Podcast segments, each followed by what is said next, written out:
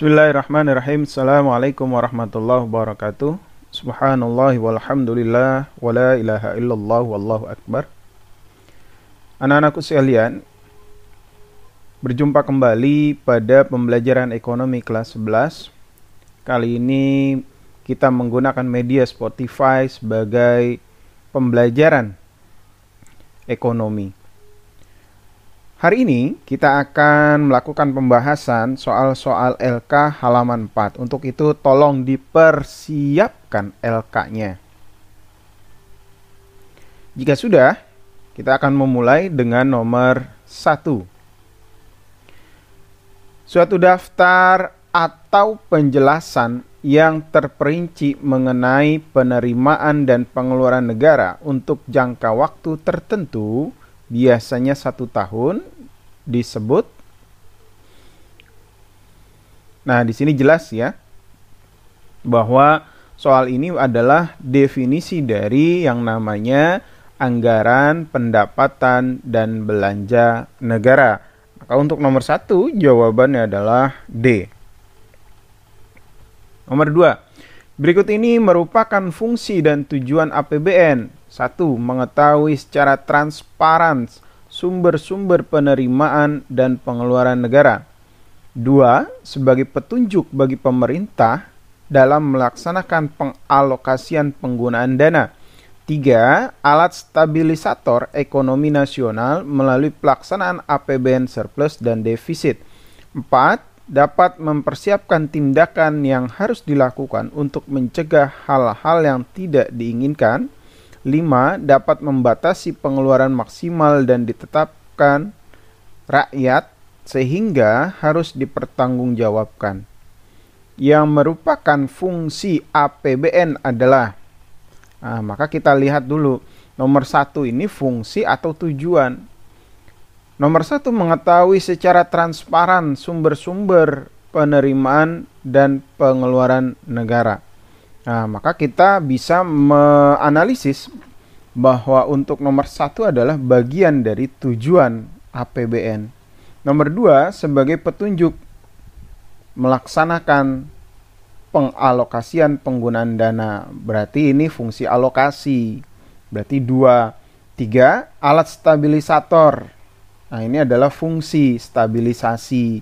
Maka jawabannya adalah dua, tiga, empat atau lima. Empat dikatakan dapat mempersiapkan tindakan yang harus dilakukan untuk mencegah hal-hal yang diinginkan, yang tidak diinginkan. Atau lima dapat membatasi pengeluaran maksimal yang ditetapkan rakyat sehingga harus dipertanggungjawabkan. Berarti yang tepat adalah jawabannya adalah 2, 3, dan 4.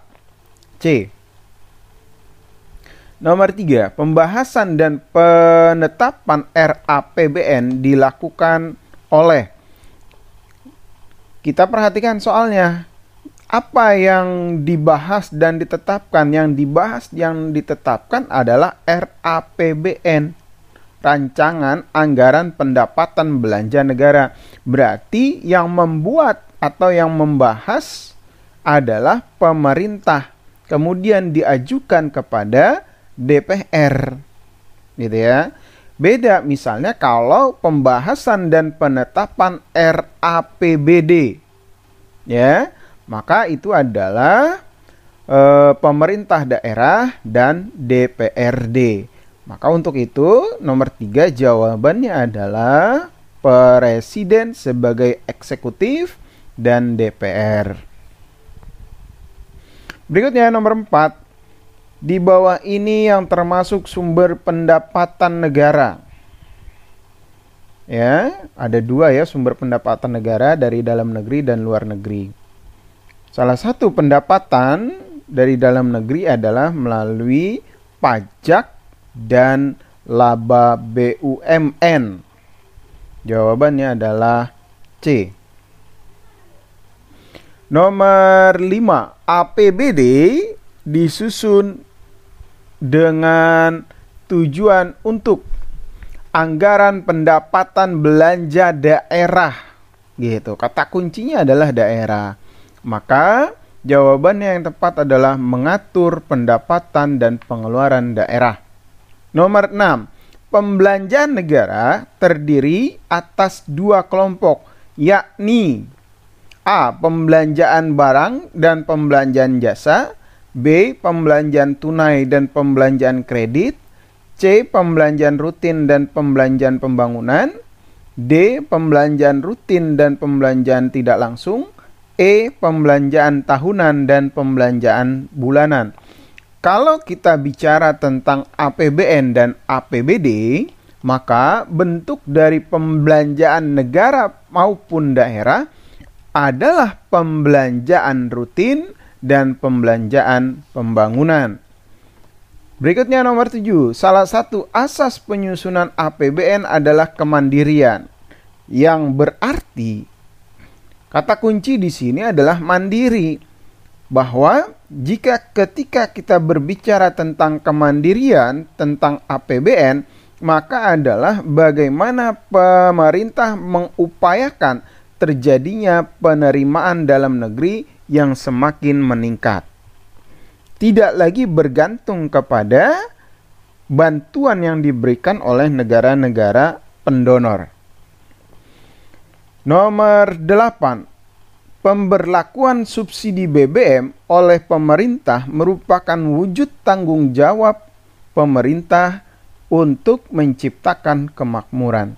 Subsidi BBM termasuk unsur apa? Subsidi BBM adalah kebijakan yang diberikan oleh pemerintah adalah bagian dari bentuk kepedulian pemerintah terhadap rakyat sehingga rakyat itu bisa mendapatkan kesejahteraan. Nah, bentuk dari subsidi BBM ini adalah bagian dari pengeluaran rutin negara. Tapi dengan seiring kemajuan ekonomi, negara-negara ekonomi maju semakin hari akan semakin mengurangi jumlah subsidi. Kenapa? ada syaratnya. Syaratnya apa? Ketika perekonomian masyarakatnya sudah settle atau sudah stabil, berada pada perekonomian menengah ke atas, itu boleh dilepas.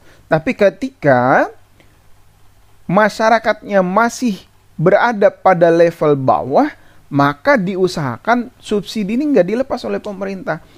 Karena ini bentuk kepedulian pemerintah terhadap masyarakat. Itu. Oke, berikutnya adalah nomor 9. Semua penerimaan dalam negeri dan penerimaan pembangunan yang digunakan untuk membiayai belanja negara disebut adalah sumber penerimaan. Jawabannya. Ya, karena kalau kita melihat kata kunci dari soal ini adalah sumber penerimaan dalam negeri dan penerimaan pembangunan.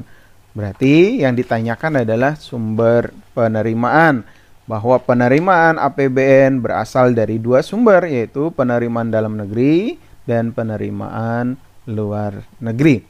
Terakhir nomor 10. Di bawah ini merupakan dana perimbangan dari pemerintah pusat kepada pemerintah daerah. Dana perimbangan adalah bagaimana pemerintah ini mengupayakan daerah-daerah yang begitu banyak yang menjadi bagian dari wilayah Indonesia mendapatkan pemerataan pembangunan. Tentunya dana perimbangan antara satu daerah dengan daerah lain berbeda tergantung dari luas wilayah, jumlah penduduk, dan lain sebagainya. Bentuk dari dana perimbangan antara lain A. Dana bagi hasil, dana alokasi umum, dana alokasi khusus. B. Dana alokasi umum, dana alokasi khusus, dan dana hibah.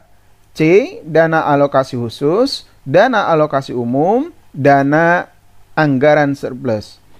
D. Dana subsidi, dana alokasi khusus, dan dana bagi hasil atau E, dana hibah, dana bagi hasil, dan dana alokasi umum. Maka jawabannya untuk nomor 10 yang merupakan bagian dari dana perimbangan adalah ya adalah A. Dana bagi hasil adalah merupakan pembagian hasil antara pemerintah pusat dan pemerintah daerah. Contohnya seperti apa? Contohnya Pertamina membuka kilang minyak di suatu daerah karena Pertamina adalah badan usaha milik negara, sementara daerah yang dikelola adalah milik daerah, maka di sini harus ada pembagian hasil. Yang kedua adalah dana alokasi umum. Jelas ya, dana alokasi umum berkali-kali saya mengulang adalah untuk eh, pembagian kepada daerah-daerah agar terjadinya pemerataan dan yang terakhir adalah dana alokasi khusus untuk wilayah-wilayah istimewa ataupun juga dana alokasi khusus ini dikeluarkan oleh pemerintah untuk suatu daerah yang mengalami bencana misalnya. Baik, anak-anakku sekalian, ini adalah pembahasan LK halaman 4 dan 5.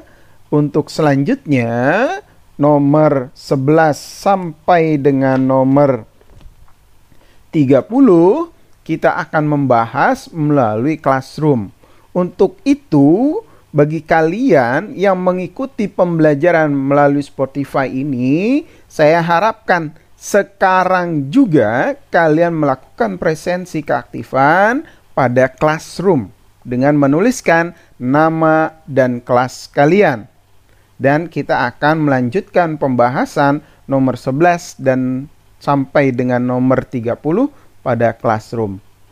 Ya, saya tunggu migrasi kalian dari Spotify ke classroom dan saya akhiri untuk pembelajaran di Spotify ini. Bila taufik wal hidayah. Assalamualaikum warahmatullahi wabarakatuh.